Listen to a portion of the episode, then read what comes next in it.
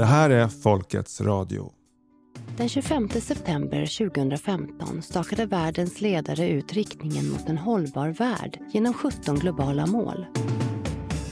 De utgör en kompass mot framtiden, såväl globalt som lokalt.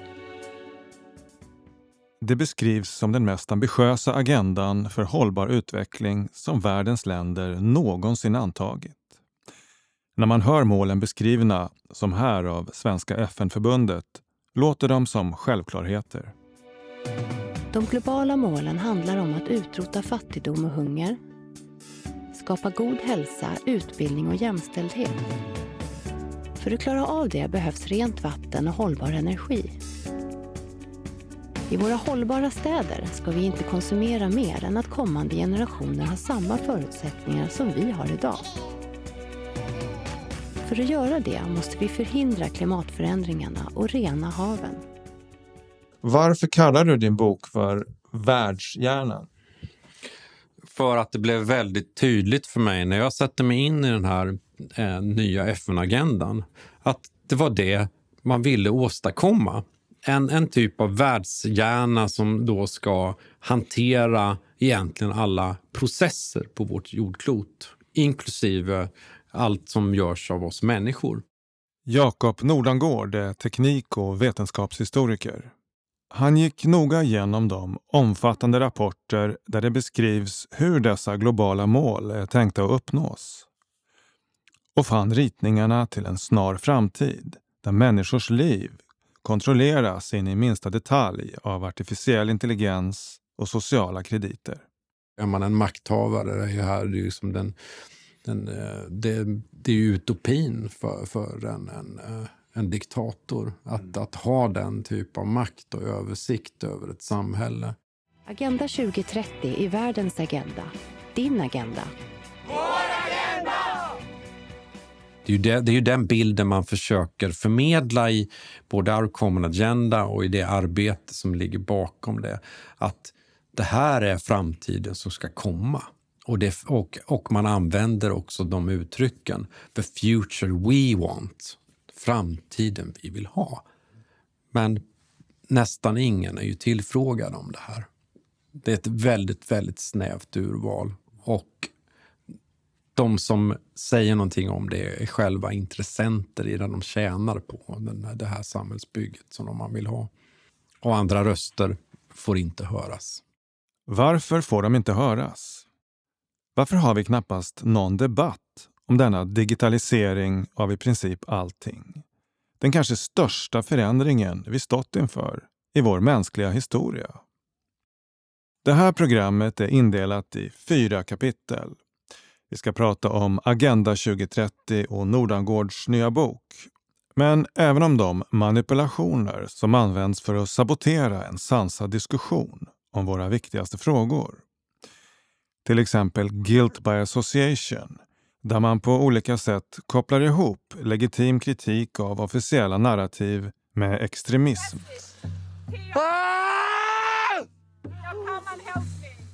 En ny SVT-dokumentär om den så kallade frihetsrörelsen visar hur konspirationsteorier kan leda till radikalisering och politiskt våld. Det är lite blodiga revolutioner. Det är lite blodigare revolutioner och jag tror inte det behöver bli så blodigt men jag tror ju att vi kommer att se någon typ av ny Nürnbergrättegång. Men är det verkligen en genuin frihetsrörelse SVT skildrar? Och är det ens en dokumentär överhuvudtaget? Eller är bådadera en psykologisk operation för att få oliktänkande och framstå som byfånar ja. ah, fram i bringan bara, ja. och potentiella terrorister. Det är som vår säkerhetsstyrka kan man säga som vi har skapat. Alltså vi, vi kände att för att vi ska kunna genomföra sådana saker så behöver vi ha en egen slags polis.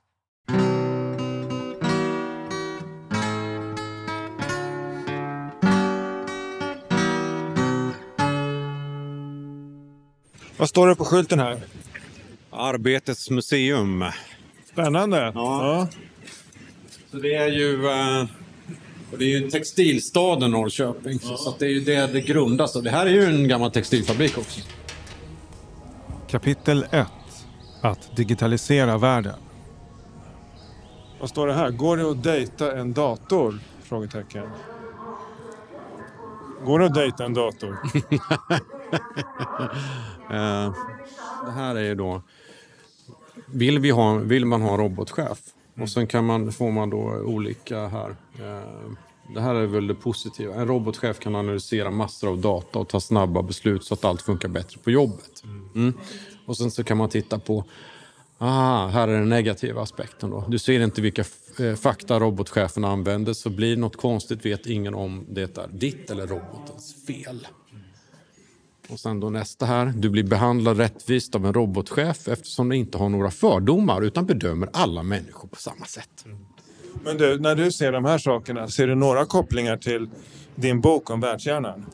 Ja, absolut. Det gör jag ju. Det finns, det finns väldigt mycket i den här utställningen som, eh, som pekar på den framtiden som jag eh, beskriver. Dem. Den här, den här utställningen försöker väl, eh, det, tanken är väl säkert att försöka ge en, en balanserad bild av framtiden. Eh, där man ändå ska ställa sig frågor kring vad, vad utvecklingen blir. Men men samtidigt är det ändå som att det är något eh, oundvikligt. Det är någonting som, som kommer som inte vi kan egentligen säga nej till. Utan det är väl snarare, vi kan bestämma färg och lite finish på, på slutprodukten men det, det handlar ju inte om att, att ha ett helt annan typ av system. Det tolfte åtagandet i Our Common Agenda handlar om Emergency Platform som automatiskt ska aktiveras för att hantera stora globala kriser. Vad handlar det här om egentligen? Ja, alltså det, det, en av de stora grejerna i det här det är att man vill ju skapa en, en effektiv styrning av världen då. Att när eh, det inträffar någonting som Ja, alltså vi har ju sett ett exempel av det här. Man testade det här i stor skala egentligen med pandemin. Där man egentligen gjorde mycket på det här sättet. Man samlade de här aktörerna för att gemensamt då lösa problemet. Snabbt och smidigt, utan diskussion. Och det ger också en enorm makt. För det handlar också om vem är det som säger att det är kris? Vem är det som definierar problemet? Vem är det som trycker på knappen?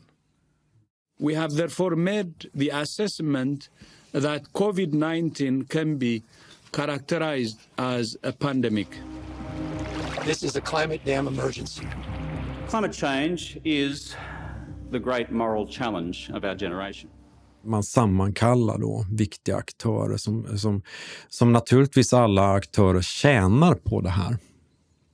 Precis som med pandemin så bjuder man ju in eh, de, de till exempel stora läkemedelsföretagen och andra då som, eh, som ska bistå med det här. Och alla de har liksom en, en ekonomisk vinning att göra i, i det här. Och Det är det som är det allvarliga med det här det nya systemet. Då, att vi kan förvänta oss då att vi kommer få återkommande olika typer av kriser som ska lösas på det här sättet. Där vi har också stora eh, aktörer eh, som drar stor ekonomisk vinning av det här. Jag kan tänka mig att det liksom står en kö med intressenter som vill få vara med och lösa sin kris och eh, göra sig otroligt rika på, på kuppen. Everyone can become a big business by working with Ukraine in all sectors from weapons and defense to construction. I ett tal till USAs handelskammare nyligen utlovar Ukrainas president Volodymyr Zelensky stora vinstmöjligheter för big business. Kriget har redan blivit mecka för finansvärldens största jättar.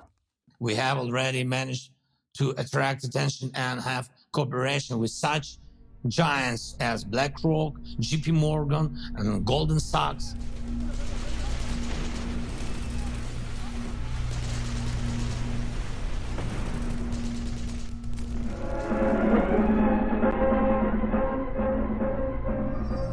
En gammal filmatisering av George Orwells roman 1984. This is a story about the future. This is a story about tomorrow. What happens to the people in this story might happen to us, might happen to you. Den varnar för en framtid där vi alla kommer att vara övervakade och kontrollerade. By 1984, the world has been split into three great superstates Oceania, Eurasia, East Asia.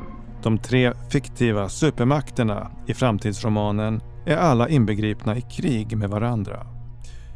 Även om det varierar vem som för stunden är fiende med vem. In one combination or another, these three states are permanently at war. Orwell lär oss att maktens verkliga motståndare är det egna folket. Men det behövs en yttre fiende, en pågående konflikt för att hålla människor polariserade och upptagna med att blicka någon annanstans än mot de egna makthavarnas agendor. Ukraina! Ukraina!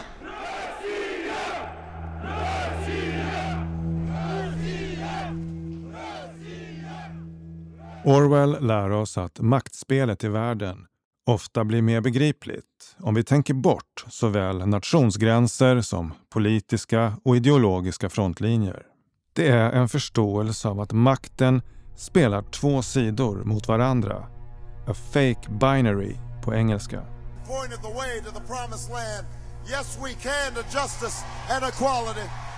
Yes, we can. Yes, we can. And we will make America great again. God bless you and good night. Att man upprätthåller ett politiskt system där bägge sidor ytterst tjänar samma agenda. We're now in the early stages of the fourth industrial revolution, which is bringing together digital, physical, and biological systems. En central del av Agenda 2030 handlar om vad man kallar för den fjärde industriella revolutionens teknologier. Förenklat går det ut på att vi ska möta framtidens utmaningar med artificiell intelligens, robotteknik, satelliter och drönare, nanoteknik och bioteknik. Den massmediala bilden av Ukraina-kriget är att Putin har drabbats av storhetsvansinne. Om bara han försvann skulle kriget ta slut. Enligt en Orwellsk förståelse av kriget är det snarare ett fruktansvärt cyniskt och grymt men effektivt sätt att genomföra samma agenda på bägge sidor. Um, some call it the Chinese model. Um, I call it that we are heading to digital slavery. Ilkki Tianen är chefredaktör för den oberoende finska tv-kanalen Pussy TV. If we look at um, the Russian side, I started covering a story about the fourth industrial revolution network that is uh, founded up by World Economic Forum. Now we're talking about data, biometrics, digital identity, digital wallet, digital currency. So the biometric data of its people. Han gjorde en granskning av samarbetet mellan World Economic Forum och Ryssland om att implementera den fjärde industriella revolutionens teknologier. Uh, World Economic Forum has made a partnership in October, 13th of October 2021. They officially announced a partnership with Russia to build the fourth industrial center in the Moscow called ANO. Samarbetet som inleddes hösten 2021 inbegriper ett stort forskningscentrum i Moskva. Exakt samma agenda med digitala pengar och digital identitet har World Economic Forum avtalat med Ukraina. And when we look at what's happening in Ukraine, the Ukraine is the pilot country of WEF. So pilot country, World Economic Forum, the pilot country for digital identity, digital wallet. So when you look at it from this perspective, you're looking at two players who are going directly to the same agenda. This is kind of where, where we came to the story and we, we then approached WEF uh, World Economic Forum and asked them that is this partnership with Russia valid, still with the fourth industrial re revolution. We did that in the last November, and World Economic Forum replied us that uh, with a statement from Klaus Schwab that they condemn the actions of Russia, but nothing about the partnership. När Ilkki Tianen konfronterade World Economic Forum fördömde deras ordförande Rysslands krigföring. Men partnerskapet med Ryssland kring den fjärde industriella revolutionen har man inte avslutat. And then we called up the Finnish government and said that is our partnership valid still with WEF because Russia's partnership is valid with World Economic Forum.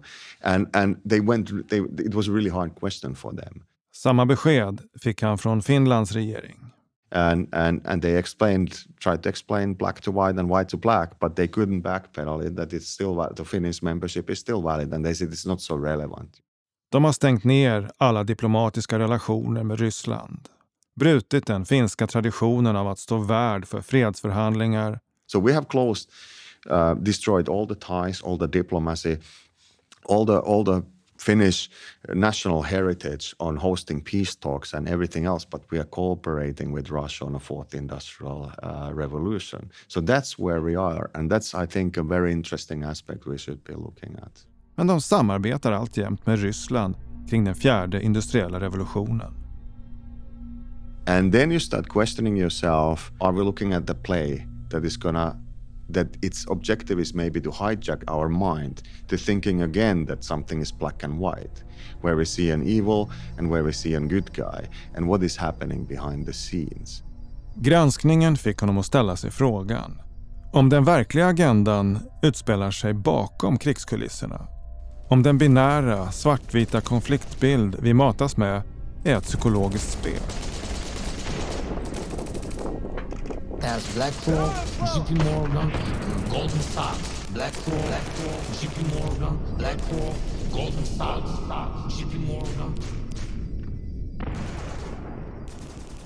Världens största fondjättar investerar i Ukraina men har också stora kapitalintressen i Ryssland.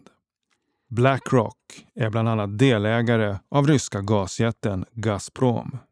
Med tanke på att den fjärde industriella revolutionens teknologier införs på bägge sidor om frontlinjen kanske man kan säga att det är AI som kommer gå segrande ur kriget.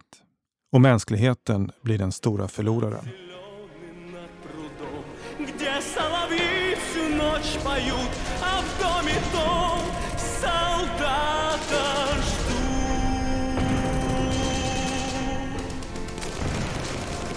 Salah.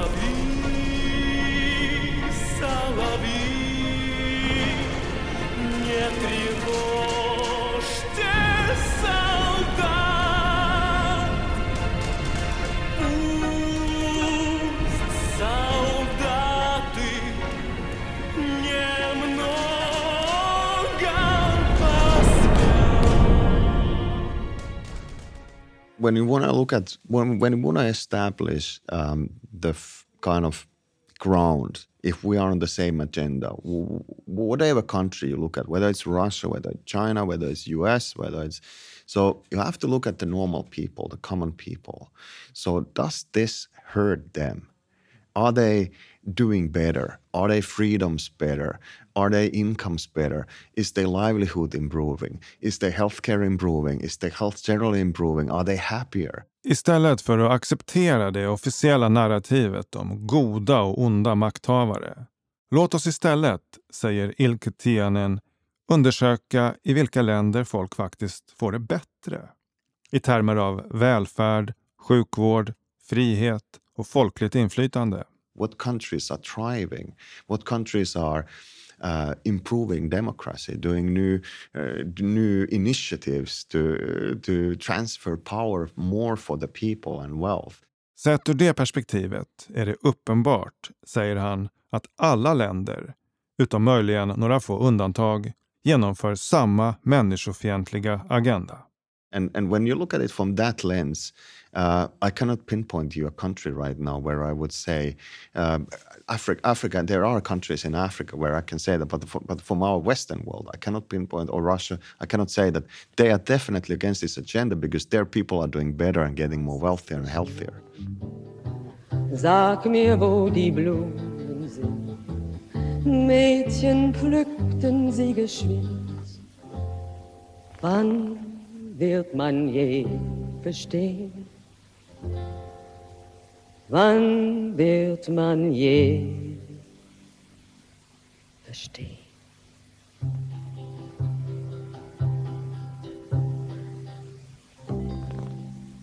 Kapitel 2 Psyops åt folket You know, that's how the PSYOP works. The PSYOP works through a guilt by association strategy. You latch onto it, you, you look like a fool, and you make other people in your associated movement look like a fool through guilt by association tactic. Youtubern Mark Passio går igenom de vanligaste kategorierna av psykologiska operationer, psyops, till exempel spridning av desinformation. This is one of the categories that is increasingly being used and waged upon the uh, human uh, public in the modern day. Med hjälp av internet kan man idag blixtsnabbt sprida desinformation och skruvade narrativ som fångar upp människor, sysselsätter dem med strunt, får deras sammanhang att framstå i dålig dager enligt Guilt by Association.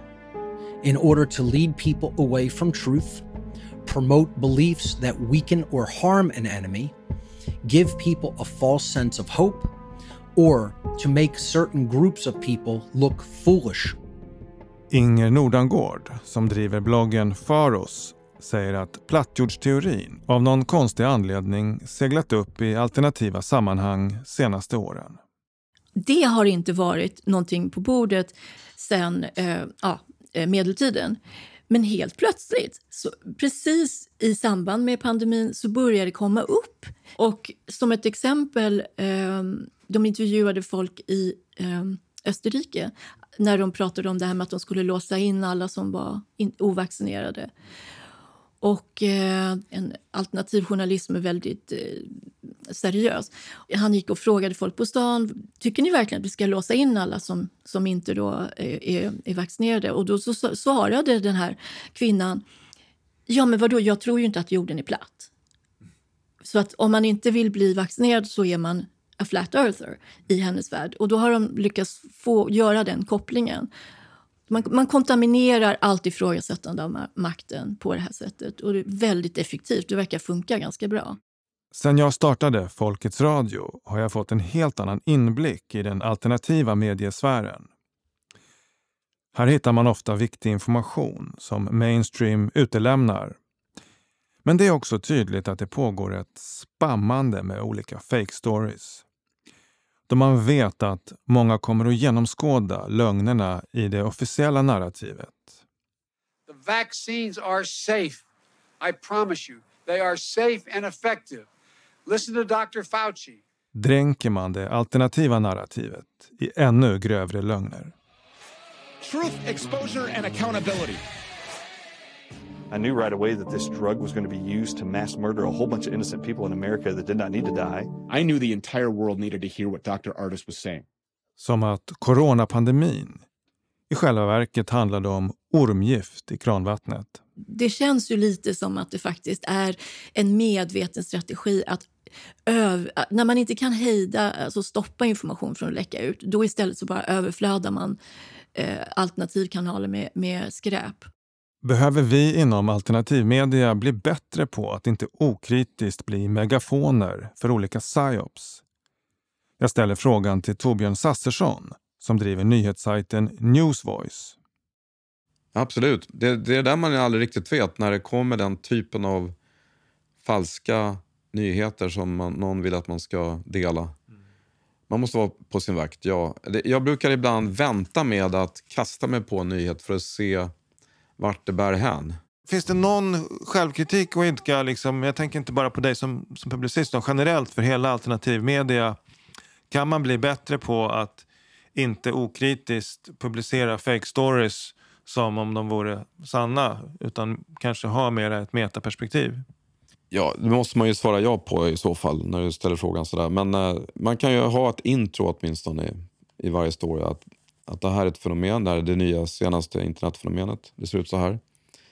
Eh, och vi beskriver det bara. Så kan man ju inleda. Man kanske ska ta fram någon ny typ av kategori, nyhetskategori som är senaste internetfenomenet. Då, då blir det också lite intressant för mig som läsare. Okej, okay, ska jag ta ställning till? Stämmer det eller stämmer det inte? Mm. Jag tror jag ska tillämpa det direkt.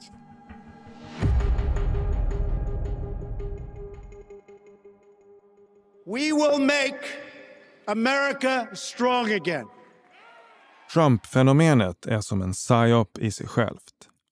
Han tar på sig ledartröjan för en växande skara amerikaner som känner på sig att systemet är riggat emot dem.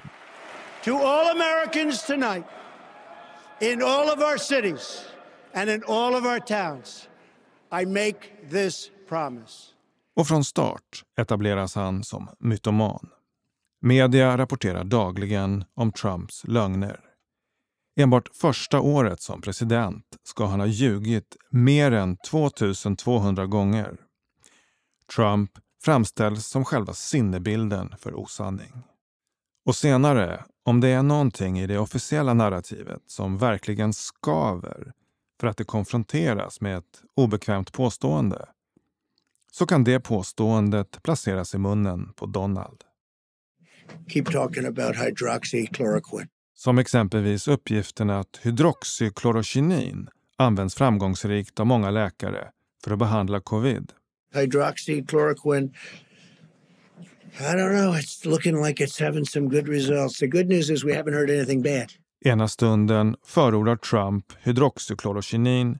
I nästa stund pratar han om att injicera kroppen med rengöringsmedel.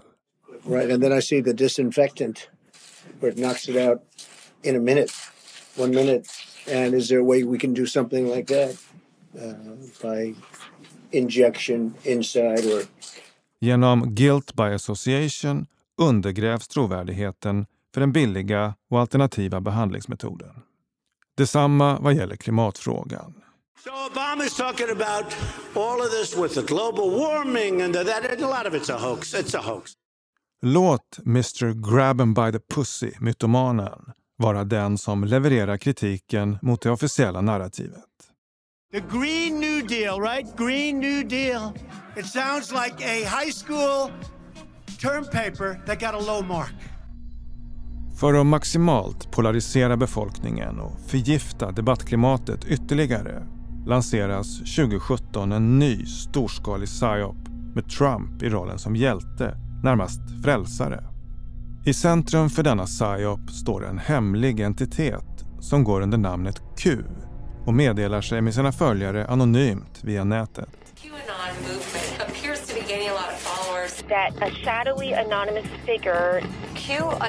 Donald Trump sägs vara utvald för att leda goda krafter inom underrättelsetjänst och militär, så kallade vita hattar, som snart kommer att placera maktens eliter bakom lås och bom.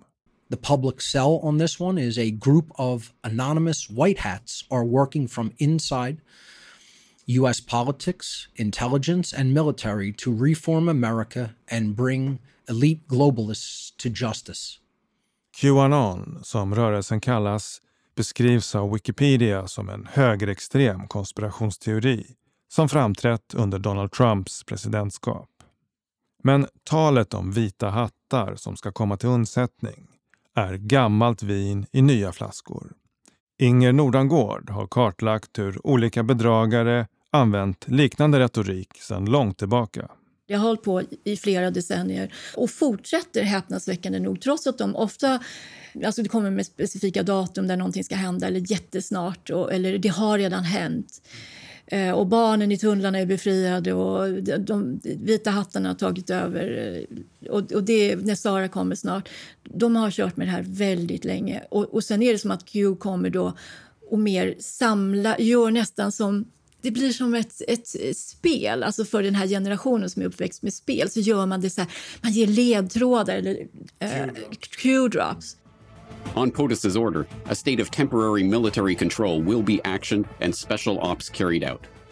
Som mycket är nonsens, men det, det håller dig upptagen. Det, det, gör att du får känna dig viktig. Åh, jag är en del av att avslöja någonting viktigt. Journalisten James Corbett säger att språket man använder efterliknar det från säkerhets och underrättelsetjänster för att ge sken av hemlig information.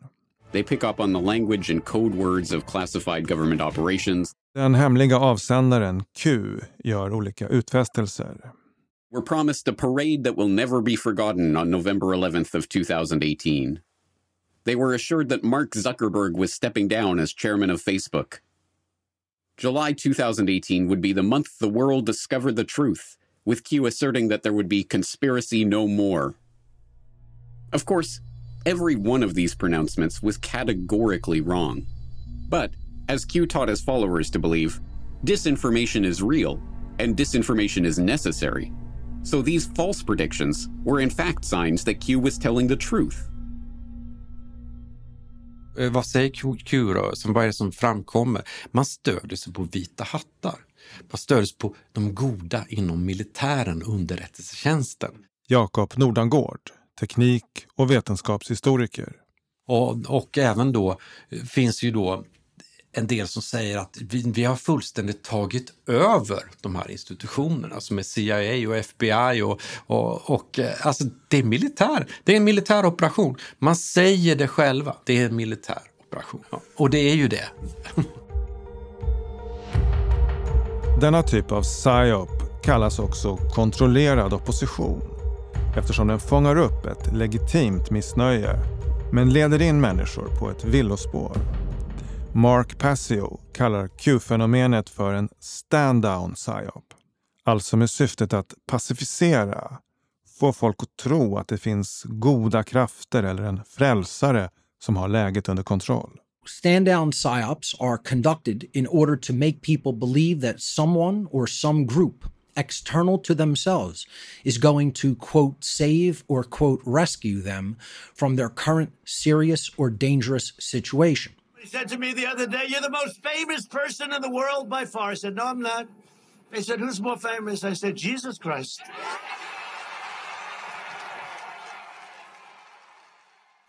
The belief that someone is coming to help them or that some other person or group has the problem in hand makes them enter into a stand down mode of consciousness. Men även här är det övergripande målet att söndra och härska. Att polarisera befolkningen i två helt oförenliga narrativ. Man kontaminerar eh, diskussionen så att eh, om man då har någon som helst seriös kritik och säger men ska vi ta det lite lugnt och utvärdera först innan vi börjar kasta oss in i någonting så blir det jaha du, du är Trump-anhängare eller ännu värre då. För det var ju illa nog men då, nu är du liksom Q och då, är, då, är du, då blir det som att jaha men är du helt tokig liksom? Då, då, ja, då, vad har du kvar? Det finns bara det officiella narrativet och t- om man inte då vill tappa bort sig i kaninhålet ja men då blir det då blir det mainstream och, och följa eh, de officiella rekommendationerna och aldrig ens ifrågasätta det. Så att det blir, man hamnar i ett dilemma. Man får välja mellan två alternativ som innehåller korn av sanning men som båda är, har en agenda. Såväl den som ifrågasätter det officiella narrativet som den som ifrågasätter Q-narrativet möts av ilska och personangrepp från respektive grupp. Om man då, som jag och Jakob försöker göra, är att få en balanserad diskussion och, och faktiskt titta på, inte bara lyssna på en Youtube-video utan titta på men, dokumenten bakom de här påståendena och titta, ta fram vad som är fakta. Om du då försöker korrigera eller ifrågasätta någonting i det officiella narrativet, ja, men då, då är du ju en tomte. Om du inte tror på precis allt i mainstream media, då är du en tomte. Men om du kommer då till någon av de här alternativa grupperna och försöker ha en seriös diskussion där och säger att helt enkelt, ja men det här stämmer inte. Ja men då, då betraktas du som ett troll i den gruppen. Då är det så här, jaha, eller en grindvakt. Jaha, så du vill liksom bara... Då tror de att man bara liksom köper det officiella narrativet. Så att det är väldigt svårt att föra en seriös diskussion och hitta människor som är intresserade av att, vad som faktiskt är sant. För att många vill hellre ha... Man vill antingen kunna lita på staten och känna okej, okay, den har min rygg, vad jag än gör. Vad, de, jag behöver inte tänka, det, det är bra, jag kan lita på alla rekommendationer. Eller också så känner de, nej men de här vita hattarna, de har det här, they got my back, jag, jag, de kommer fixa det här, jag behöver inte, vara, jag behöver inte tänka själv. För att, ja, om, när det är så många som säger det här, varför skulle jag ifrågasätta, varför skulle jag ifrågasätta det? Man kommer in i en grupp och så blir det det här, alla förstärker varandra och sen kan det bli mer och mer extremt och så finns det ingen extern källa som kan säga, men vänta nu, är det här verkligen rimligt? Jag kommer att tänka på bara när du säger det där, det, um, på mig själv faktiskt, och Folkets Radio. Senast idag, när vi spelade in den här intervjun, så kom Expo ut med en artikel där de skriver Per Shapiro driver den konspirationsteoretiska podden Folkets Radio. Och häromdagen så skrev Per Shapiro är en grindvakt för den djupa staten, Folkets Radio. Det är lite det du säger va? Ja. ja, det blir ju så. Alltså, om man försöker att hålla sig i mitten det är där det blåser för att det är där man blir attackerad om man håller sig i mitten och inte håller med antingen den ena eller andra sidan utan man faktiskt ifrågasätter båda sidorna. Då blir man inte populär. Det är, helt, det är ganska naturligt. Men kan man säga hålla sig i mitten om man försöker skapa förutsättningar för en diskussion mm. där man faktiskt prövar eh, argumenten i de respektive. Det, någonstans så känns det som att det man egentligen vill, vill absolut omöjliggöra, det är en diskussion. Ja, och kan man inte diskutera med varandra så kan man ju inte nå varandra. Det är därför man är mån om att göda extremism åt alla håll. Samtidigt, för att då håller sig alla i sin lilla bubbla. Det man ofta får höra då som en anklagelse när man be försöker belysa det här, det är liksom att ja, du försöker skapa splittring bland de, oss vakna. Ska vi inte hålla ihop? Om vi alla håller ihop i alternativ, alltså de som är olika grader av systemkritik, ja men då blir det att då hamnar vi ju alla i samma korg med då de mest galna eh, utsagor då, med de som har då seriös systemkritik. Och då, blir, då är det väldigt, väldigt lätt också för, för makten att bara avfärda hela, hela eh, alltihopa. Och därför så ser jag det som viktigt att eh, faktiskt skilja agnarna från vetet. När någon går ut och säger någonting som man kan väldigt lätt med några eh, snabba googlingar bevisa att, att det är en bluff. Varför ska man då inkludera dem som antingen är, blir, eh, är utnyttjade, som har gått på ett narrativ eller som är direkt kanske har betalt för att kontaminera då Eh, Eh, den, den legitima systemkritiken. Och ja, visst, det skulle, det skulle vara en viss styrka om man var, alla höll sig till samma narrativ men för någon som söker sanning på riktigt så är det ju omöjligt att lägga sig frivilligt i samma korg som någon som berättar sagor och eh, ja, saker som verkligen inte går att bevisa eller som snarare går att bevisa att de är falska. Även i Sverige finns en sorts filial till Q-rörelsen under parollen Make Sweden Great Again med växande antal följare på Youtube och sociala medier. Det här är episod 52 och vi ska prata om Donald Trump.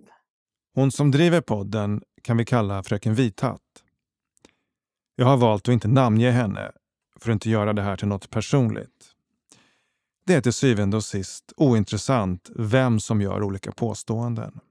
Det intressanta är huruvida påståendena är sanna eller falska. Om de går att belägga. Man kan säga att eh, Trump under sitt pres presidentskap, det var därför det var så viktigt. För han kunde liksom slutföra rent lagligt det mm. John F Kennedy påbörjade. Han är ditsatt av militären mm. för att rensa ur dem som hotade USAs självständighet. Mm. Det är det det handlar om. Mm. De som är förrädare, de som hela tiden har gynnat sig själva på alla andras bekostnad. Han kommer ta en enkel sten och med den enkla stenen så kommer han krascha socialismen. Hela skuldberget och sekulariseringen. Alltså folk måste förstå att det är en andlig kamp mm. mellan ont och gott. Att det finns ont och att det finns gott. Ja, alltså den, den stora, stora grejen som jag ser eh, när, man, när man tittar på det här, det är ju att sälja in egentligen ett nytt ekonomiskt system. Eh, det är väl egentligen, och det är någonting som hon kommer in på, på väldigt tidigt. Men hon använder sig då av, eh, det är ju naturligtvis Q och Donald Trump och på hela den typen av eh, retorik. Men sen kommer hon till eh, väldigt snabbt till att det, det nuvarande systemet eh, kommer att falla. Och hela det finansiella systemet är ju korrupt och det faller nu. Så att det, det är så häftigt. Så att eh, ni får smälta det här lite. Det går ju att läsa. De flesta av de här källorna finns på eh, makeswedengreatagain.org under, den heter Planen att rädda världen. Och det här är, eh, det finns ingen tveksamhet till det här, utan det är Ehm, och det är intressant att lyssna på det. Det, det, det här är, eh, det är som att det är fakta om framtiden. Så här blir det. Som helt uteslutet att vi har kvar det gamla systemet vi har. Utan vi kommer få ett nytt system, hur vi än vrider och vänder på oss. Om vi bara zoomar ut från alla detaljer. Vad är din tolkning med det här fenomenet nu? Ja, det handlar om att dels få folk... När hon säger gör din egen research, ja, men det betyder gå ner i kaninhålet och, och, och tappa bort dig bland alla dumheter.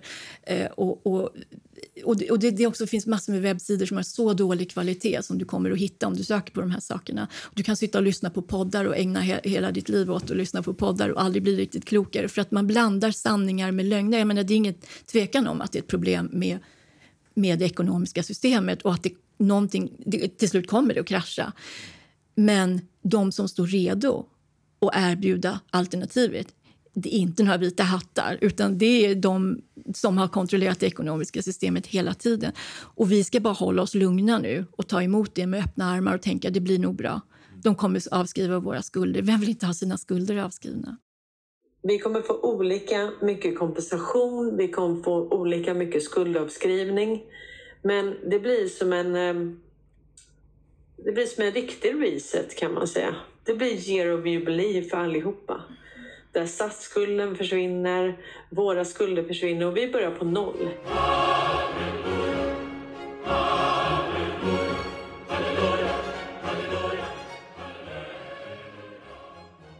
Det här får då många att sitta och vänta på pengar som inte kommer. Eller, och hon, eftersom hon kopplar ihop det med QFS, Quantum Financial System. Och det är ju väldigt, så som hon själv beskriver det, så är det ju det i stort sett identiskt med det som Jakob pratade om, CBDC. Ett system där du ska ha total transparens och övervakning. Ah, allting ska vara spårbart och det är ju precis vad World Economic Forum, FN, Världsbanken, BIS, alla de här vill ha. De vill ha allt ska vara spårbart. Du ska inte kunna göra någonting utan att de ser exakt vad du har gjort med varje krona. För om du har kvantumdatorer som är supersnabba, supersmarta, supersäkra. Varför skulle du inte ha det finansiella systemet på det? Allting blir transparent. Du kan ju inte tvätta pengar i det systemet. Och du kan inte finansiera terrorism. Alltså allting blir spårbart. Det blir som att man ska sälja in någonting som i vanliga fall, om man då tar bort de här new age-flummiga kostymen, så, så, så är det eh, egentligen World Economic Forums system. Men hon når en, en publik som annars skulle vara skeptisk till det. Enligt en Orwellsk förståelse av hur makt fungerar har man återigen skapat ett så kallat fake binary med en digital kontrollagenda som rullas ut av världens mäktigaste institutioner och en motståndsrörelse inom citationstecken som istället pläderar för den goda AI-styrningen och den snälla digitala valutan. Alla vägar bär till Rom. Så det här nya finansiella systemet kommer gå på de här kvantdatorerna och blockchain. Och det kommer bli en folkets ekonomi. Ja, det är så tydligt med, med hur... Det, blir liksom, det är liksom som en kognitiv dissonans också. Med hur man å ena sidan då varnar för det hemska teknokratiska samhället eh, med World Economic Forum. Och sen då plocka fram lösningen som är samma sak.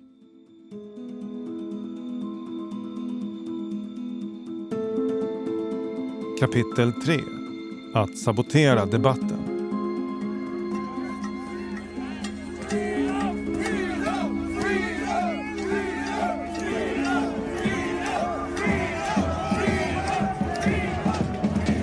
Under 2020, i samband med de på många håll stenhårda coronarestriktionerna, började det hållas protester i städer över hela världen. I Sverige hölls möten på bland annat Mynttorget i Stockholm. Ja, du är en av de som ska tala här idag. Vad heter du? Marcus Andersson. Ja. Jag är konstnär. Vad ska du prata om? Jag ska prata om eh, det tyranni som har införts i många länder eh, under det här året. Jag har daglig kontakt med människor i Sydamerika, i Storbritannien, i Spanien, Portugal och får en helt annan information av vanliga människor, hur de lever och hur deras liv har begränsats under den här eh, tiden då.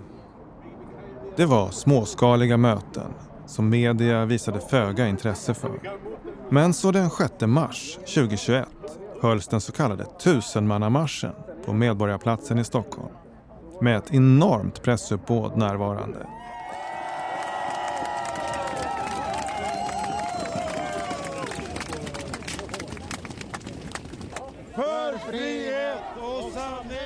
Marcus Andersson ville dock inte vara med. Nej, det, jag, min magkänsla sa att det, det, det, var olämpligt. Jag tyckte att det var för stor mediehype och den kom liksom från ingenstans. Vi, vi hade hållit på med de här eh, manifestationerna vid Mynttorget. Det var alltså under 2020 tror jag att jag, vi hade tre, fyra manifestationer där vid Mynttorget. Och det hade inte alls uppmärksammats och, och, och sådär. Eh, sen kommer det, eh, det här då med, med några helt okända människor som ska hålla i det då som eh, får enorm mediauppbackning och, och, och, och lanseras som någon sorts ledare för någon stor motstånd mot det här. Jag, jag tyckte att det, eh, intuitivt kände att det där är, är, är någonting underligt. Som reporter får jag också en känsla av att det är något konstigt med dessa stora sammankomster som organiseras av den så kallade frihetsrörelsen. Inte deltagarna, det är viktigt att säga. Utan jag får intrycket av att de verkliga arrangörerna inte är de vi ser på scenen. Och att man jobbar i tandem med massmedia för att framställa protesterna i dålig dager. Och polisen agerar väldigt märkligt. Kommer med jättekonstiga förklaringar när jag ställer frågor.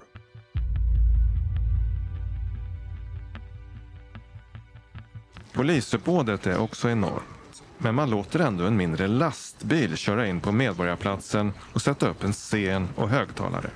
Så här sa Stockholmspolisens talesperson i Folkets Radio efteråt. Det var faktiskt att man hade ju uppmärksammat den här lastbilen då, eh, som man gissade då skulle bli en scen och hade gjort eh, försök att stoppa den och köra in på, på Medborgarplatsen. Eh, och, eh, men de, de tog någon bakväg som inte... Så att vi... Eh, Smet in bakvägen på något sätt. Eh, Bakvägen? Och, ja, de backade upp dem på någon, via någon gränd och via någon, via någon tunnel. Det var ett utdrag ur programmet Coronaprotesternas märkliga självmål. Där jag även tar upp en del av de hotfulla symboler som frihetsrörelsen visar upp för den församlade presskåren. Den som är uppmärksam noterar också att ledarna, männen som går i täten, alla bär en svart t-shirt med två knutna nävar.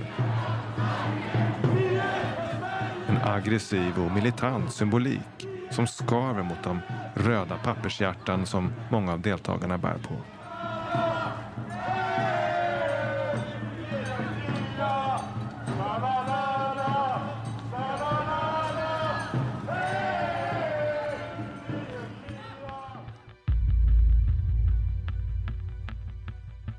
Men även om manifestationerna som väntat framställdes negativt i media var det oftast en väldigt fin stämning när människor med alla tänkbara sorters bakgrund kom samman. Where are you from? Uh, I'm from Spain. Oh, from Spain. Buenos dias. Buenos dias. What's your name? Anna. Anna. Okay, so how- how come you are here today? Yeah, I come here. Well, I've been participating in protests in Germany as well. This thing with the pandemic is used as an excuse to take away so many freedoms and rights. And now Spain is a co- complete dictatorship. Like we are not even allowed to go to the next city anymore. So yeah, I fear that it can happen the same in Sweden, and I'm glad to see that there are Swedes who are already taking this seriously and going out. Den 22 januari 2022, kort efter att Sveriges regering infört krav på vaccinintyg, hölls den hittills största av frihetsrörelsens manifestationer med många tusen deltagare i centrala Stockholm.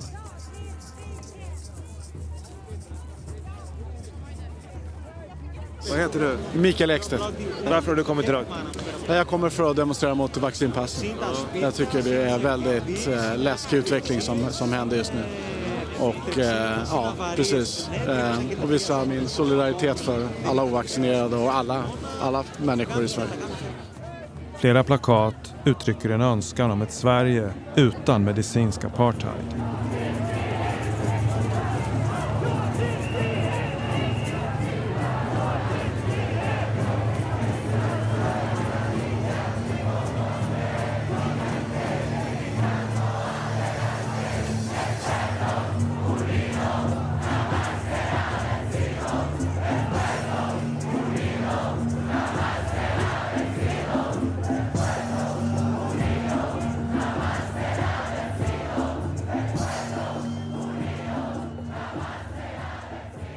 För att söndra och härska måste man som sagt upprätthålla krig och konflikter men även hålla folk splittrade i sina respektive åsiktsbubblor där man inte vill lyssna på dem i den andra bubblan.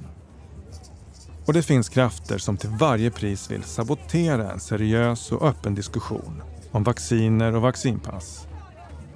Och den församlade mediakåren får även denna gång sitt lystmäte av komprometterande symbolik då en grupp maskerade män kommer dit med Nordiska motståndsrörelsens flaggor och placerar dem bakom scenen där talarna står. Då plötsligt när jag ser att de här banderollerna kommer upp där bakom så sa jag till, till min kollega att det här, vi, vi måste göra någonting åt det här. Jag frågar Sandra Wigren som var konferencier varför de inte såg till att banderollerna försvann från scenområdet innan de började tala. Det var väldigt mycket folk. Och det var lite grann, det var en person som jobbade inom ja, säkerheten där som vi hade med som tyckte att men det här går inte att göra just nu. Och då eh, fick jag liksom ta ett beslut ganska så här, wow, där på plats. Jag gick ut och började med att säga att vi är alla här i kärlek idag. Liksom. Vi exkluderar eh, ingen, men vi måste liksom stå upp för vad, vad det betyder. Och och här vände jag ju mig lite till liksom att det inte var okej men just i stundens hetta så fick jag liksom inte till att formulera det så som det skulle ha blivit gjort. Eh, men vi jobbade verkligen för att försöka få, få bort det här för det var helt eh, fel. Och så här sa Max Winter som då var ledare för Frihetsrörelsen. Då fick jag ett, eh, en fråga där om vad vi skulle göra åt det här. Och då var det att jag antingen då skulle ta med mig då den här grupperingen och alla de här huliganerna och försöka skapa någon konflikt och säga ni måste ta bort den här banderollen. Men jag visste att en konflikt och bråk skulle skapa ännu större problem i media efteråt. Så att det är bättre att vara inkluderande och säga att vi håller i forum här för olika åsikter. Vi tror på yttrandefrihet. Vi står inte bakom alla åsikter som alla människor här har. Vi kan inte med våld och säga att ni får inte vara här för då blir vi tycker jag, alltså det vi kämpar emot. Det, det tycker jag är fel. Sen står inte jag bakom deras åsikter på något sätt och det var olyckligt att de skulle få upp sin banderoll precis bakom våran då talarpodium där. Men, men äh, konsekvenserna skulle nog blivit konflikt och kanske slagsmål och det vill inte jag skapa. Det finns inte något mellan, mellanalternativ, att man bara säger så här att det här, just nu så har någon satt upp en banderoll här som är förknippad med nazism bakom podiet. Mm. Jag kommer vänta i tio minuter tills ni tar bort den där för vi, vill inte, vi har ingenting med det att göra. Det hade varit enkelt. Ja, Ja, nej, absolut. Och det, det, får jag väl ta på mig i så fall. Jag stod ju där och försökte liksom hantera både eh, tio talare på listan och, och liksom eh, 500 andra problem eh, och människor som ville saker när jag skulle besluta eh, saker på plats där i den stunden. Och polisen kom till mig och sa att NMR planerade att kuppa till och med att ta över talarscenen. Så jag stod och var beredd på att vi skulle snarare försvara oss om det skulle hända så att de skulle försöka ta sig in där. Föreningen Expo och den församlade journalistkåren får sina fototillfällen och den fredliga manifestationen kan kopplas ihop med nazism. Officiellt är Expo en vakthund mot rasism och nazism och männen som kommer banderollerna ett uttryck för just dessa vidriga ismer. Men enligt en Orwellsk förståelse av makten har både Expo och banderollkillarna samma uppdrag.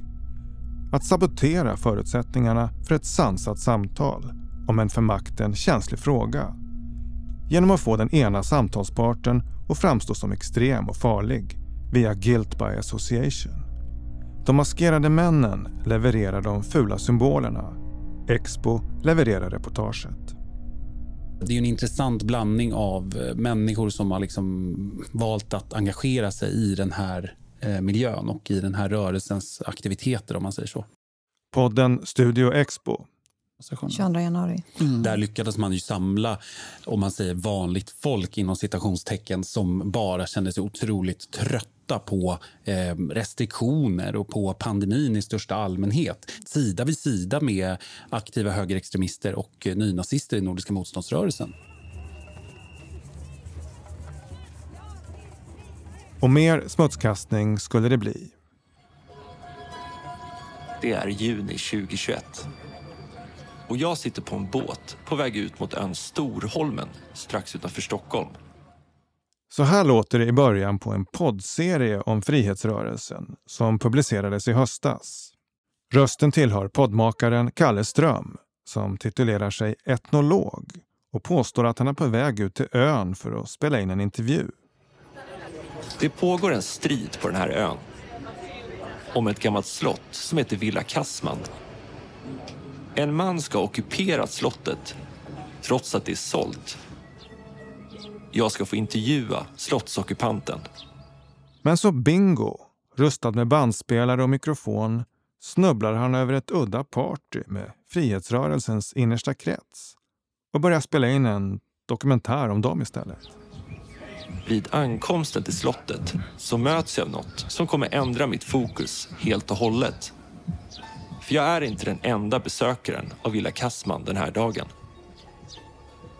På den majestätiska bakgården spelas pulserande technomusik.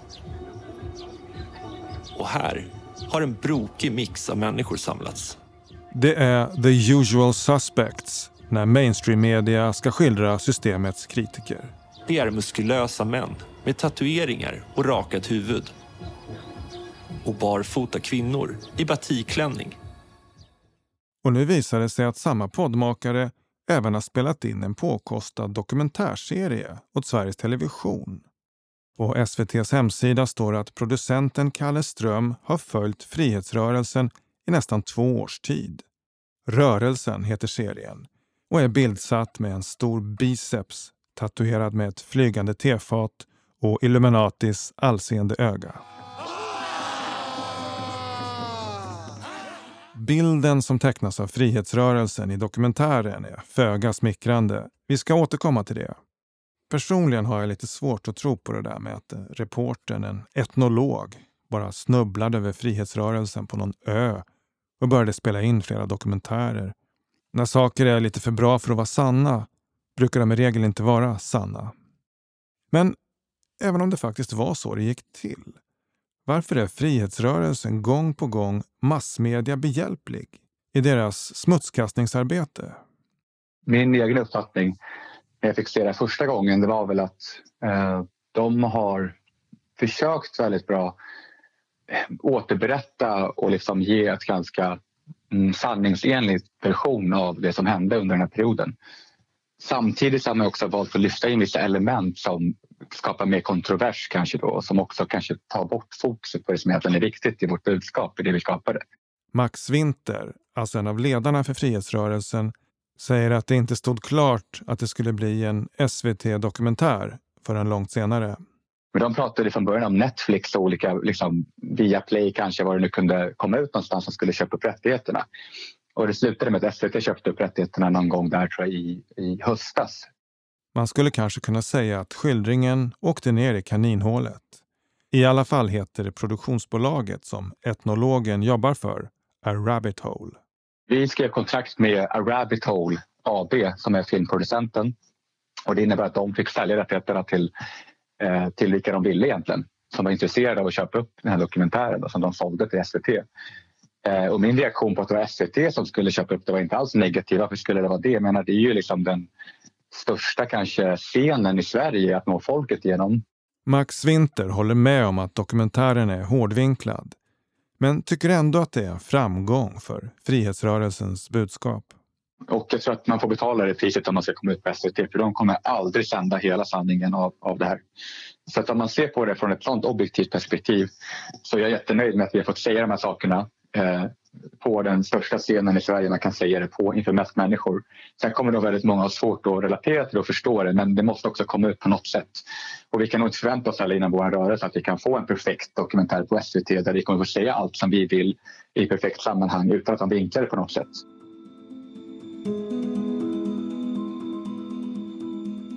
Flera av de kommentarer jag har fått ta del av ifrågasätter ifall det som SVT sände överhuvudtaget var en dokumentär. Och ifall frihetsrörelsen överhuvudtaget är en frihetsrörelse.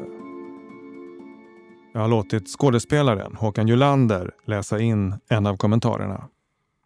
Såg båda delarna igår. För mig är det oundvikligt att dra slutsatsen att allt är genomregisserat. Inklusive Kalles, alltså reporterns, fejkade naivitet och intresse för rörelsens tokerier.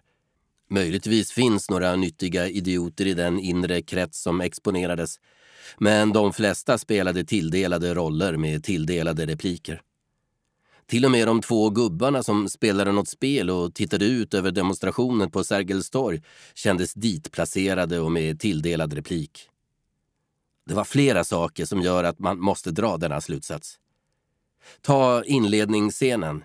Innan Kalle fått tillstånd att genomföra sitt uppdrag så filmar han de två männen som utför den löjligaste frigörelseceremoni man kan tänka sig. Ah, ja. Ah, fram med bringan bara, ja.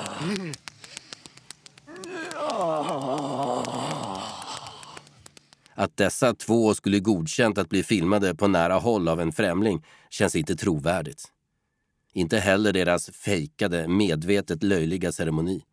Nu skulle jag inte behövt några vackra kvinnor som bara, så, mm, bara masserar ner så tantriskt den här energin så att det liksom flödar. Jag blir så, mm, först så bara, mm, ner med energin. Typ sådär.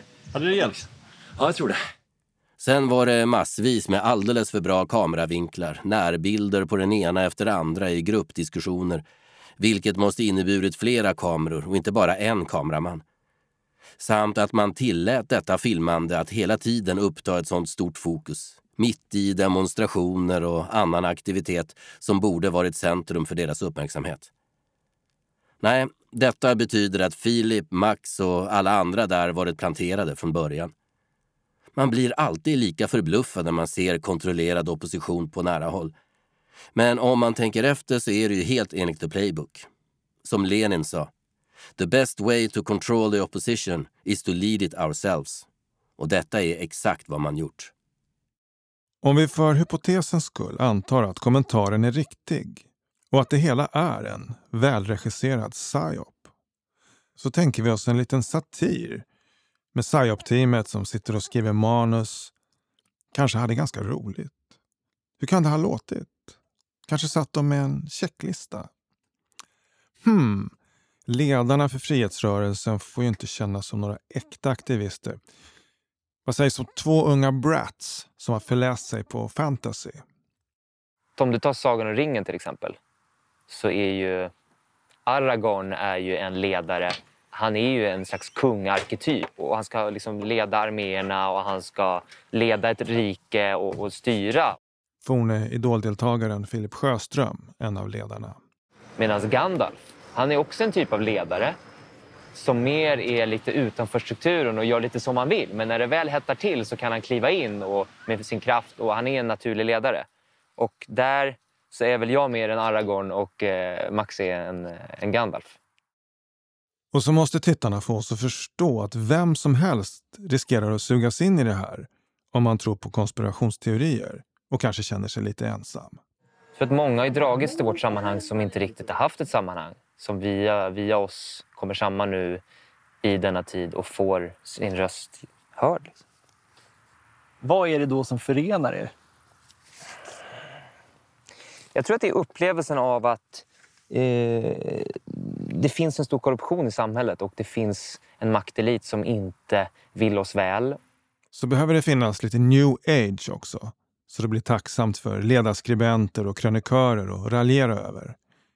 I'm longing for mama. I'm expressing what the earth needs. I'm expressing what the earth needs.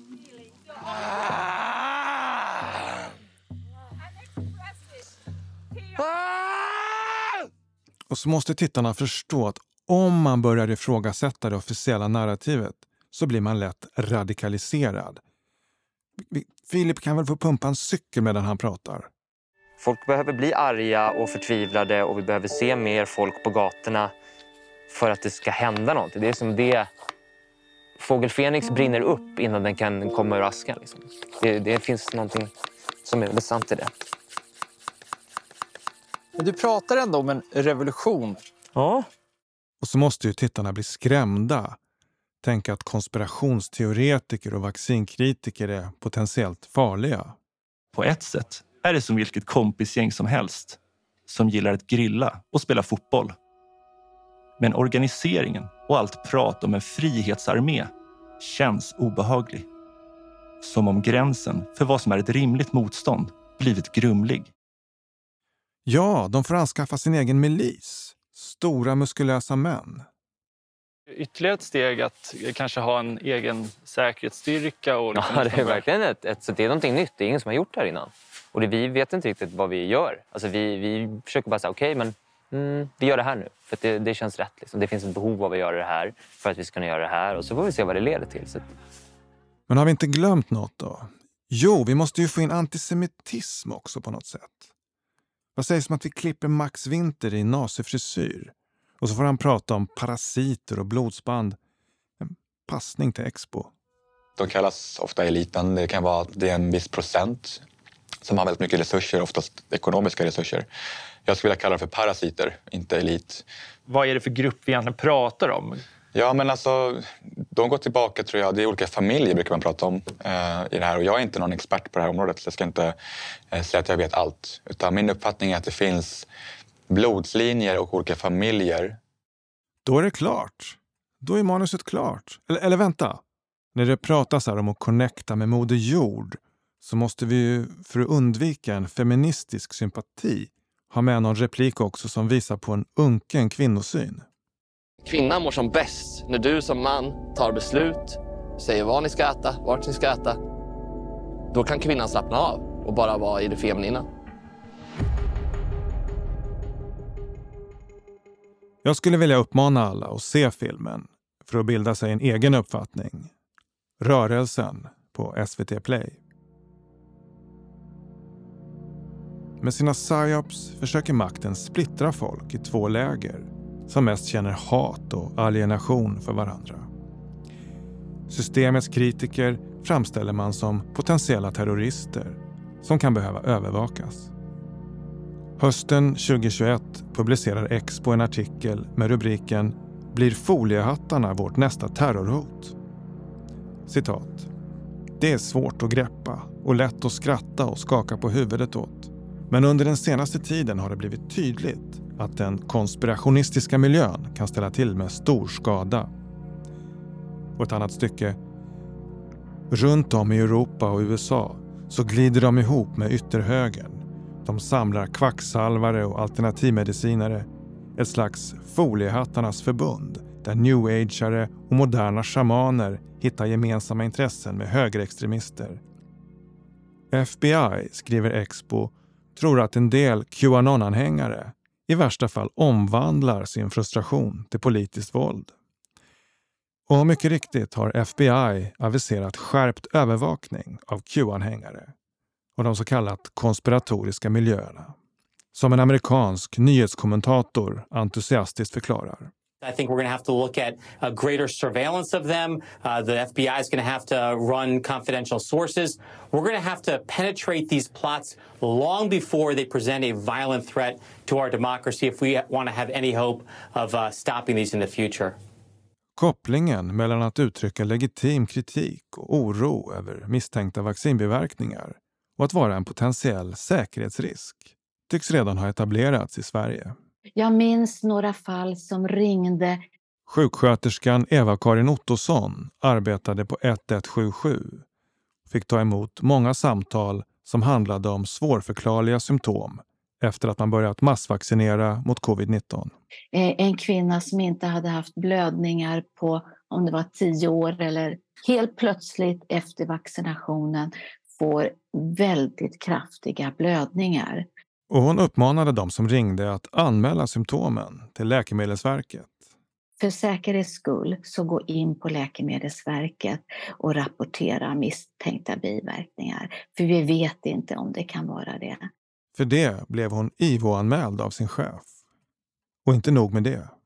Sen, det som händer, det är ju att jag blir uppringd ungefär en månad efter utav en person nära regionledningen som jag känner, eh, som sa så här till mig. Nu måste du vara på din vakt.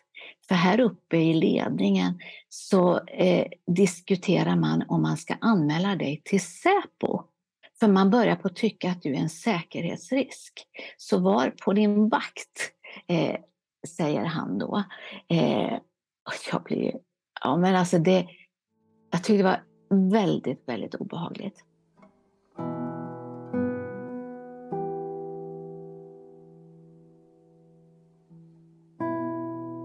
Kapitel 4 Den digitala världshjärnan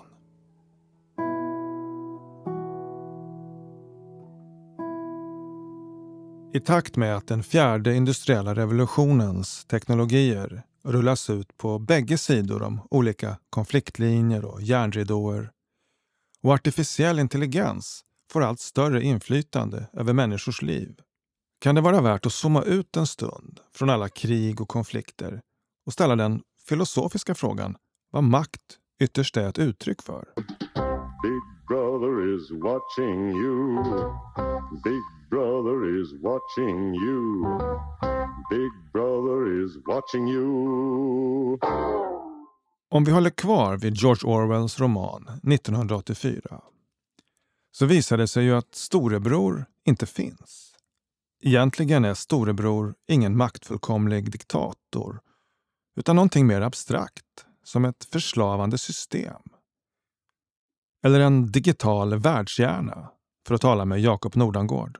Det är ju egentligen det jag tar upp i eh, min senaste bok, Den digitala världskärnan. Det är ju det det bygger på. Man skapar en digital gud. Det är det som är så tragiskt i det här, att man... När man tittar och studerar naturen så är den helt underbart fantastisk. Mm. Den är ett under. Den är... Ja, man, man kan bara eh, hänföras av hur, hur fantastiskt allting är. Jag står här och ser och nu undrar jag bara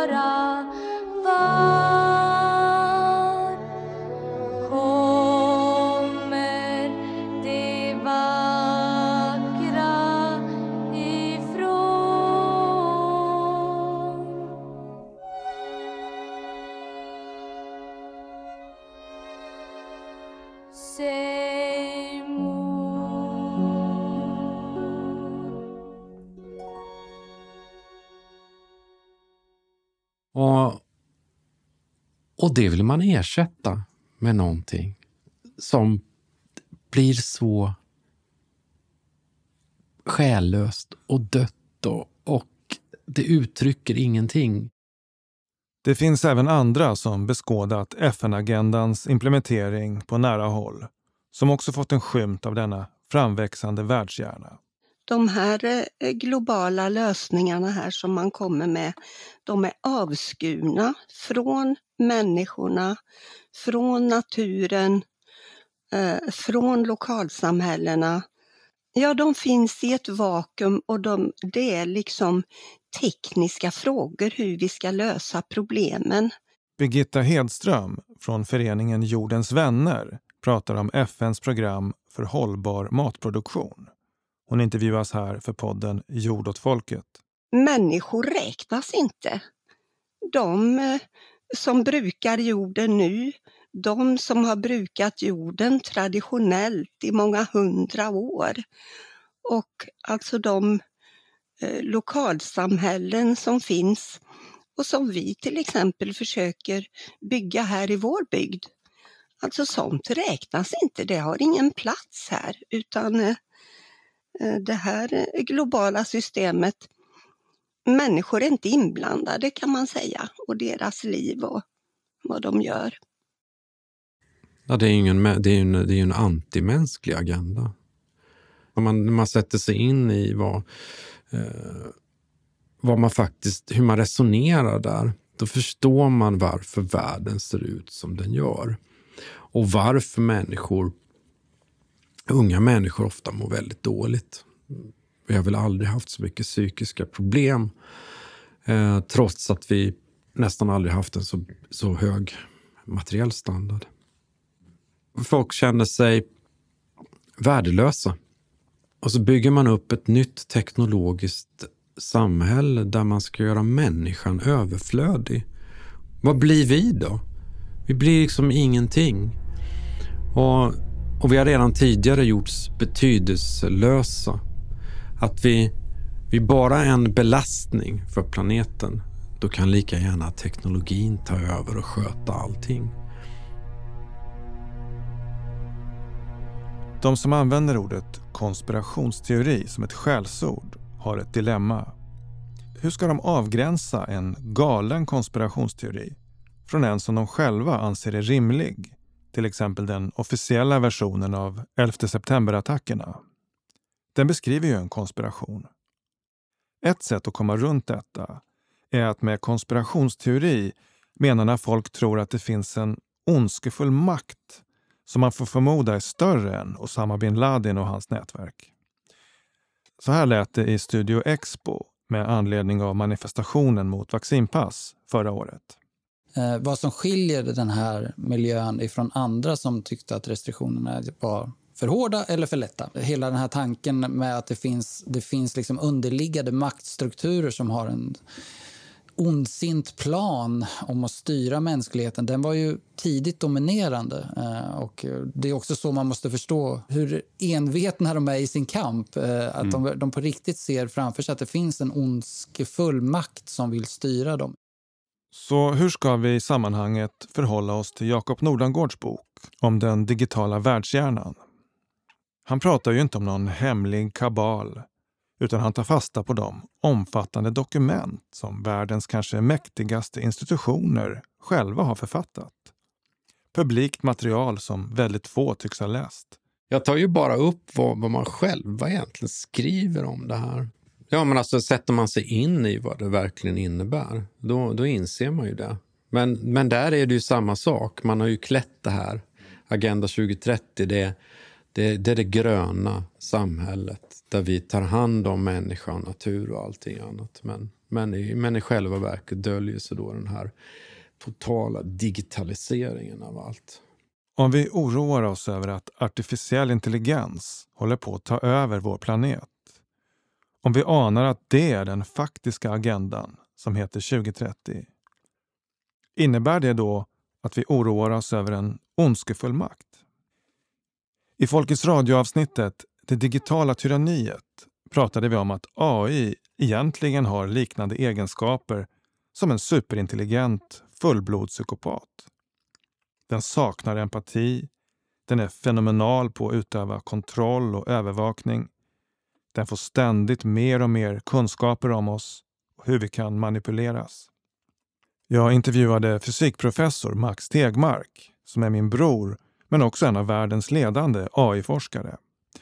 Han sa till min förvåning att även stora bolag kan betraktas som en form av AI.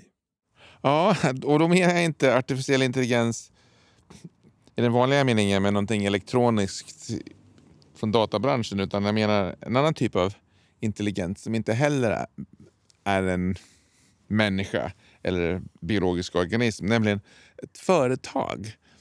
Om, man tittar på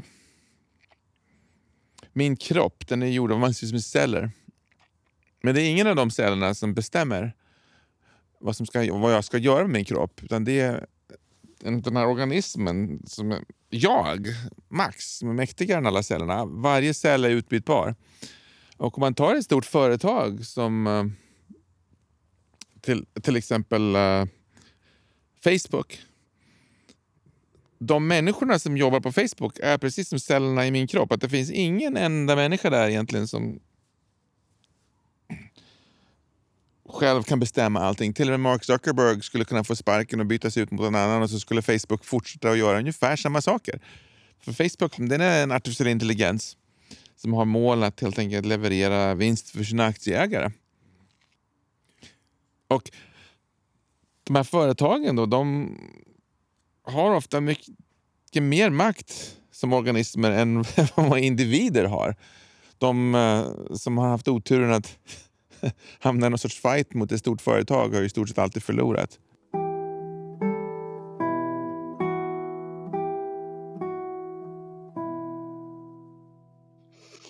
Alltså de, de globala bolagen, de är redo för ett globalt systemskifte och eh, vill förbereda marken för detta och se till att deras processer kommer igång egentligen. Det innebär ju alltså att de här stora jättarna som finns inom agroindustrin och inom alla jordbruksmaskintillverkare tillsammans med datajättarna. De tänker sig att de ska fixa världens matförsörjning och eh, utrota hunger. Och det ska de göra genom ett digitalt styrt jordbruk som är karaktäriserat av övervakning, kontroll och långtgående automation. Kanske behöver man inte någon utflippad konspirationsteori för att förklara det som pågår. Det allseende ögat som pryder dollarsedeln kanske helt enkelt symboliserar den globala världshjärnan. Den framtidsvision som nu finns beskriven i Our Common Agenda. Alltså det ska inte behövas så många människor på marken, utan det ska vara självstyrande fordon och robotar. Mm. Och data ska samlas in då kontinuerligt hos dataföretagen. Och sen ska, ska det då komma ut preskriptioner eller recept till eh, alla som äger det industriella jordbruket att så här mycket och så här och den ytan och den säden och de fröna och de doserna och de avstånden och som liksom kontinuerligt då uppdateras efter, efter alla data man samlar in.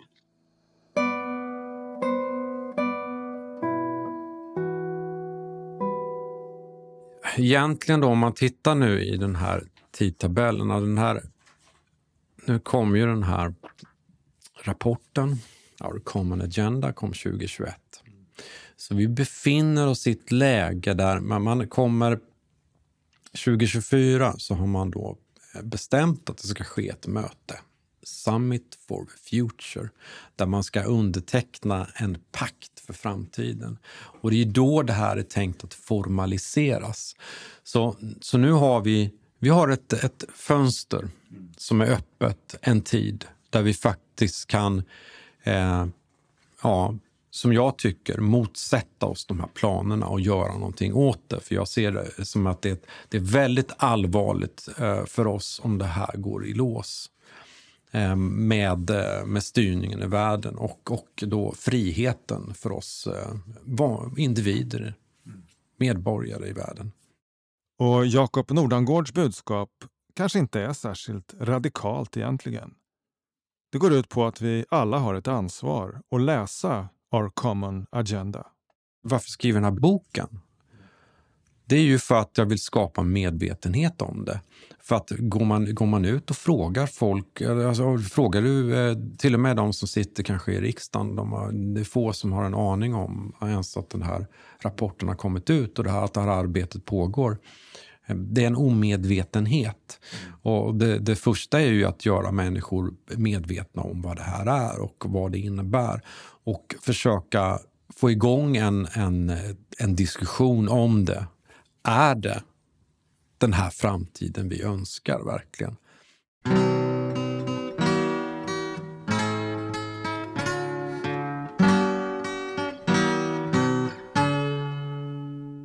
Det kan vara vanskligt att prata om kontrollerad opposition. Det skapar lätt en misstänksamhet som kan övergå i paranoia där man till slut inte kan lita på sin egen stortå. Personligen tycker jag det är ganska enkelt att förstå vilka människor som är genuina och vilka budskap som är det. Precis som man kan lära sig känna igen de fake stories som sprids hela tiden. Och oavsett vilka som stod bakom frihetsrörelsen så får man ju ge dem att de ordnade några väldigt viktiga sammankomster där människor kom samman i en svår tid. Flera fina möten har lagt sig på mitt minne. Ja, ja men jag hade ju många ledande roller i 68-rörelsen. Jag kom ju in, eh, alltså, vet jag är 80 år. På en manifestation i juni 2021 fick jag några ord med aktivistveteranen Lasse Wilhelmsson. Och eh, det var väl främst i Vietnamrörelsen. Den var ju störst i världen i Sverige i förhållande till, Sveriges, till folkmängden och väldigt framgångsrik. Det skulle bli hans sista intervju. En kort tid efteråt gick han bort. Eh, men, men om du skulle dra en, en, eh, en, liksom en, dina lärdomar då från 68 och allt det som du har till det vi står inför nu då. Vad, vad skulle du säga är det viktigaste? Ja, ja, det viktigaste det är ju liksom att, eh, att till att börja med måste man ju förstå att det här med höger-vänster liksom i politiken, det är bara en kuliss. Eh, och, det, och, och, det är väl det som, det tycker jag är min viktigaste lärdom, alltså att inte fastna då i ideologier och religioner. Va? Eftersom det är slutna tankesystem va, som begränsar folks tänkande. Man måste befria sitt tänkande och tänka utanför dem. Det är, tycker jag är det viktigaste. Where have all the soldiers gone? Gone to graveyards everyone. When will they ever learn? When will they ever learn? Jag hoppas att det här programmet kan förmedla något försonligt. Oavsett om vi är Svenssons eller bohemer, mainstream eller alternativjournalister expoagenter eller konspirationsteoretiker. Oavsett etnicitet, hudfärg eller politisk åskådning så spelar vi alla i samma lag. Team Livet. Vi borde alla känna en stark tvekan inför en agenda som vill överlämna makten över våra liv, över vår planet, till en främmande intelligens som inte kan känna någon vördnad inför naturen, inte kan känna någonting alls, vare sig empati, kärlek eller vänskap. Om det nu verkligen är så. Vi borde alla ha ett intresse av att få en verklig debatt om Agenda 2030. Om den framtid som planeras åt oss och våra barn. En ärlig debatt som inte bygger på att demonisera meningsmotståndaren utan på att närma sig sanningen enbart genom argumentation och fakta. Vi har inte råd längre att låta oss bli söndrade och härskade. When will they ever learn? When will they ever learn?